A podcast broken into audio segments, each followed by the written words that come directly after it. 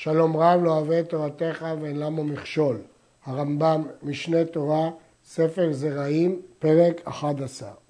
אסור למכור את הדמאי לעם הארץ, או לשלח לו דמאי, מפני שהוא מסייע לזה לאכול דבר האסור. אבל מוכרים ומשלחים אותו לתלמיד חכמים, שאין תלמיד חכמים אוכל עד שיאסר, או עד שיודיעו אדם נאמן שזה מאוסר. אסור למכור דמאי לעם הארץ, מפני שיש חשש גדול שהוא יאכל אותו דמאי בלי להיאסר. וגם אסור לשלח לו בחינם דמאי, כך אומרת המשנה. אבל אפשר לשלוח לתלמיד חכמים, כי הוא לא חשוד לאכול בלי להיאסר. כל המשפיעים במידה גסה, כגון הסיטונות ומוכרי תבואה, מותרים למכור את הדמאי ולשלחו, מפני שהן מוסיפין על המידה, התקינו חכמים שיהיה הלוקח או זה שנשתלחו לו, הוא המפריש מעשר דמאי. אבל המודדים במידה דקה, הואיל והמוכר משתכר, הוא מפריש, ולא ימכור ולא ישלח, אלא מתוקן. הדין מפורש במשנה, הטעם מפורש בירושלמי. הדין הוא שסיטונאי או מוכרי תבואה בכמויות גדולות, מותרים למכור את הדמאי. מדוע? כיוון שהם תמיד משפיעים בכמות יותר גדולה מהנצרך, אז הטילו חכמים על הלוקח להפריש. מה שאין כן כאשר הם מוכרים במידה דקה והם מצמצמים במכר שלהם, שאז על המוכר להפריש. כמה היא מידה גסה? ביבש חצי שאה, ובלח מידה שהיא מחזקת שווה דינר מאותו דבר לך. הירושלמי אומר שביבש נתנו שיעור קבוע, חצי שאה. בלח לא נתנו שיעור של כמות, אלא של שווי. כל מה שמחזקת שווה דינר. הוא נקרא מידה גסה, ואז המוכר הוא המשתכר, והלוקח הוא המשתכר, והלוקח צריך להפריש. אבל פחות מכאן זה מידה דקה, והמוכר משתכר, והמוכר צריך להפריש. צריך להדגיש שמדברים על דמאי, כלומר בכל מקרה צריך להפריש תרומה. סלי זיתים וענבים וקופות של ירק, אף על פי שהוא מוכרן אקסרה, אסור למוכרן דמאי. במשנה מופיעה דעת רבי יוסי. רבי יוסי אומר, אף סלי זיתים וענבים וקופות של ירק, כל זמן שהוא מוכרן אקסרה, מותר למוכרן דמאי. כלומר, רבי יוסי משווה את מי שמוכר סלי זיתים וענבים וקופות של ירק, אקסרה, זאת אומרת קופסה שלמה, בלי למדוד ממנה משקולות, או סל שלם, בלי למדוד ממנו אה, קו או חצי קו, אלא כל הסל, זה נקרא אקסרה. אז הוא לומד שזה כמו סיטונאים, וכמו שסיטונאים לא הצרכנו אותם להפריש דמאי, אז גם אלה לא. הרמב"ם פסק נגדו, כי הרמב"ם מבין שזאת מחלוקת, ותנא קמא חולק. הראב"ד מקשה, מי אמר לרמב"ם שתנא קמא חולק?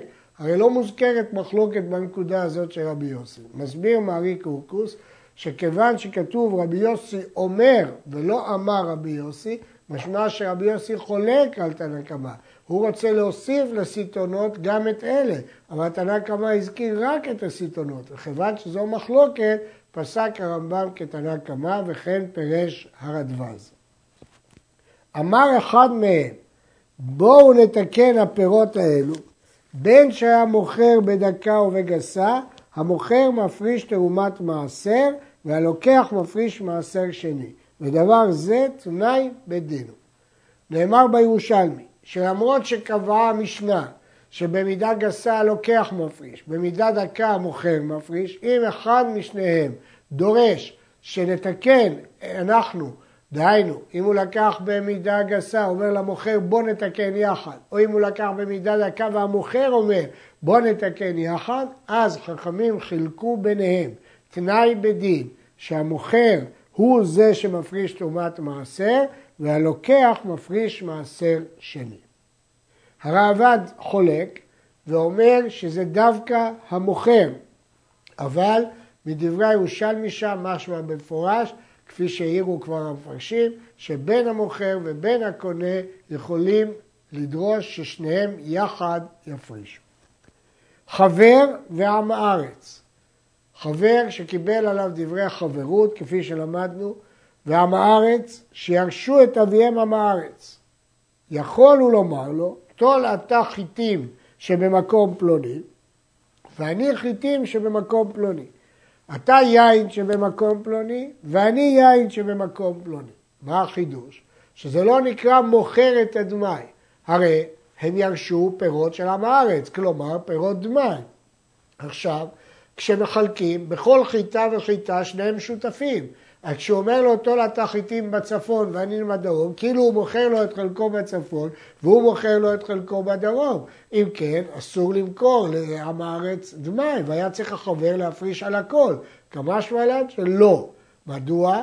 שתי אה, סיבות לדבר. סיבה אחת, כי בדרבנן יש ברירה. וכיוון שדמי זה דין דרבנן, אז יש ברירה, ואני אומר שהחיטים שהגיעו אליו הם שלו, והחיטים שהגיעו אליו הם שלו. טעם שני לדבר, שהרמב"ם כבר הסביר אותו, ופירשנו אותו בהלכות תרומות, כי זה לא דרך משא ומתן. כיוון שזה לא דרך משא ומתן, כי הם חילקו חיטים בחיטים, לא גזרו חכמים ולא החמירו בדמאי, למרות שבפועל בכל חיטה שניהם שותפים, זה לא נראה כמכירה. כל האיסור למכור דמאי לעם הארץ הוא דרבנן. כאן, שזה לא דרך משא ומתן, לא החמירו. אבל לא יאמר לו, טול אתה חיטים ואני שעורים, טול אתה את הלח ואני אטול את היבש. מפני שזה מוכר דמי. כיוון שאלה שני מינים שונים, אז בעצם היה צריך לחלוק את היבש בין שניהם ואת הלח בין שניהם. ברגע שאומר לו אתה תיקח את כל הלח ואני את היבש או להפך, זה שני מינים. כאילו הוא מכר לו את חלקו והוא מכר לו את חלקו, ואסור למכור לעם הארץ דמי. מי שהיה נושא ירק וכבד עליו מסעו ורצה להשליך ממנו על הדרך כדי להקל ממסעו, בלשון המשנה, לחזום עלי ירק להקל ממסעו, לא ישליך עד שיעשר, כדי שלא יהיה תקלה לעמי הארץ שאוכלים אותו דמי. הרי עם הארץ ימצא אותו ויאכל דמי, ואתה גורם לו לתקלה, אסור. ויש לשאול, הרי אם הוא השליך, הוא הפקיר, והפקר פטור מן המעשרות. התשובה היא שמדובר בהרג שכבר אגוד, ואחרי שהוא נקבע למעשר, אפילו שהפקיר אותו הוא כבר חייב. אם הוא היה מפקיר אותו קודם, אכן היה פטור. המוצא פירות בדרך. אם רוב מכניסים לבתיהם, פטור מלהסר, שעדיין לא נקבעו למעשר. אני תולה שהפירות האלה מהרוב, הם עוד לא נכנסו לבית, אז הם לא נקבעו. ואם רוב מכניסים למכור בשוק, הרי אלו דמי. כי אמרנו שברגע שאדם מחליט למכור בשוק, כבר זה נקבע למעשר, ואז הפירות הם דמי. נחצה למחצה, דמי. מחמירים על זה שזה דמי. נטלם לאוכלם ונמלח להצניעם. הוא נטל בתחילת הפירות האלה שמצא בדרך כדי לאכול. אז הוא זכה בהם, והוא כבר התחייב לעשר אותם. ברגע שהוא נמלח להצניעם, לא יישאר אותם אצלו עד שיעשר, כדי שלא יהיה תקלה לאחרים. כי ברגע שהוא זכה בהם, הוא יתחייב במעשר. אסור לו להצניע, יבוא מישהו ויאכל אותם. ואם היא תחילה נטלם שלא יאבדו, הרי זה מותר לשאותן אצלו עד שירצה לאוכלם או לשולחן או למוכרן ויעשר מאותם דמי. מדוע? כיוון שברגע שהוא נטל אותם רק כדי שלא יאבדו, הוא כלל לא התכוון לזכות בהם. אז הם עוד לא שלו. כיוון שהם עוד לא שלו, אין לו איסור לעשות תקלה לאחרים. עד שהוא יחליט לאכול או לשלוח או למכור, שאז הוא חייב להסר. כנובת ירק הנמצאת בגינה, הרי זו פטורה מן הדמאי, ושל בעל הבית הנמצאת בבית חייבת, שעל גבי ההשפעה בכל מקום מותרת. כנובת זה פסולת של ירק. כשהגננים מוציאים, הם מוציאים רק את מה שהוא פסולת גמורה, ולכן זו פטורה כי זה הפקר, זה לא אוכל בכלל, זה לא ראוי לאוכל. אבל של בעל הבית הוא מוציא גם דברים שראויים קצת לאכילה. אז אם הוא השאיר את זה בבית, חייבת, יבוא מישהו ויאכל, זה אוכל. אבל שעל גבי ההשפעה, ברור שהוא הפקיר את זה, זה לא ראוי לאכילה, בכל מקום מותרת. הנותן לפונדקית לבשל לו ולאפות, מעשרת שהוא נותן לה כדי שלא יהיה תקלה לאחרים.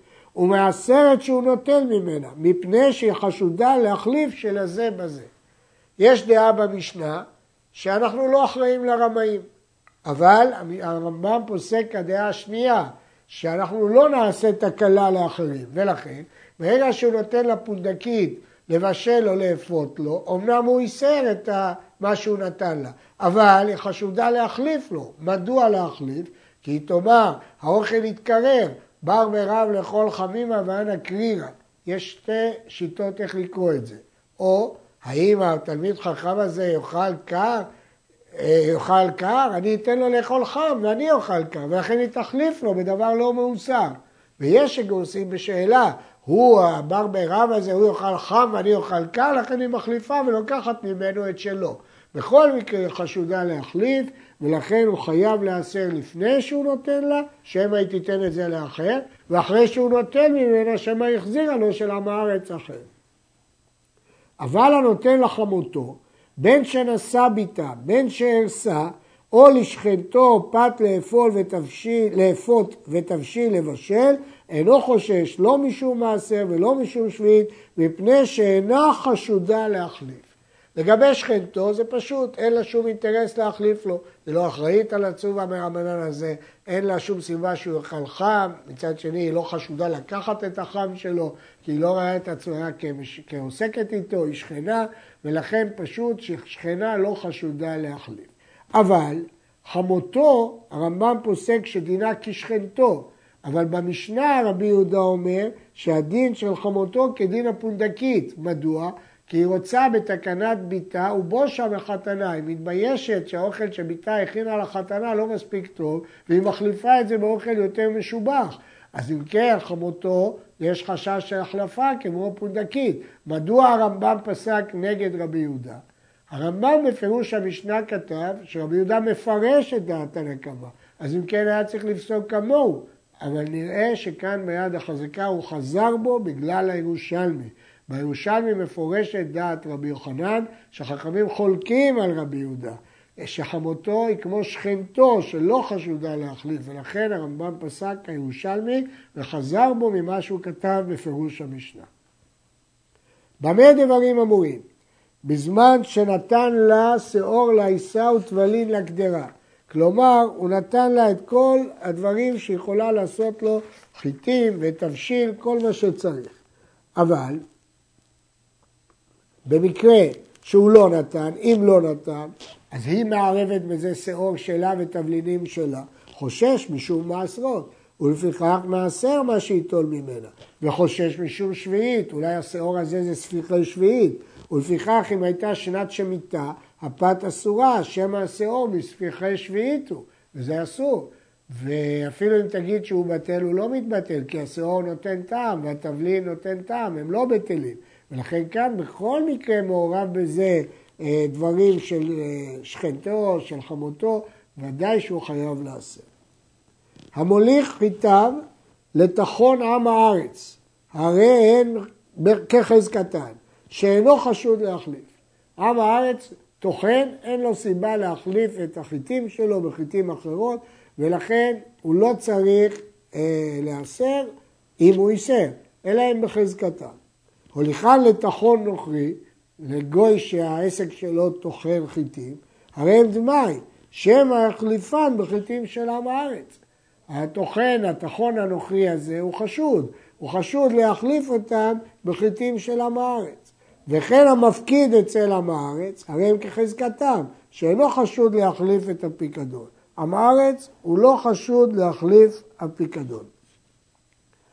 הראב"ד שואל על הטעם של הרמב"ם, שמא הנוכרי יחליף לו בחיטים של עם הארץ, שאם כן זה ספק ספקה. ספק הוא החליף, ספק לא החליף, ואם החליף זה של עם הארץ, זה ספק דמי. אומר הראב"ד, לכן הטעם לדעתו הוא אחר. הוא שמא נתן לו משלו, ומרוח גוי חייב מדי רבנן. ודאי שהרמב"ם לא יכול לקבל את הטעם הזה, כי הרמב"ם פסק בפירוש שמרוח גוי פטור. ולכן הוא מביא אותם שהוא החליף לו בשל עם הארץ אחר. ומה שהקשה הרמב"ם, שזה ספק ספקה, לא קשה. א', מפני שכל דמאי זה חומרה דה רבנן, הרי רוב עמי הארץ מהעשרים הם כל זאת גזרו, אז גזרו גם מספק ספקה. כך כותבים בכסף משנה ומרי קורקוס. טעם שני כותב מרי קורקוס, שההיגיון שהוא החליף הוא כל כך חזק שכבר הוא לא ספק אפילו. עם הארץ שהיה משתמש בחנותו של חבר, אף על פי שהחבר יוצא ונכנס, הרי זה מותר, ואינו חושש שמא יחליף. למרות שהחבר לא כל הזמן בפנים, הוא יוצא ונכנס, בכל אופן אנחנו לא חושדים שעם הארץ החליף.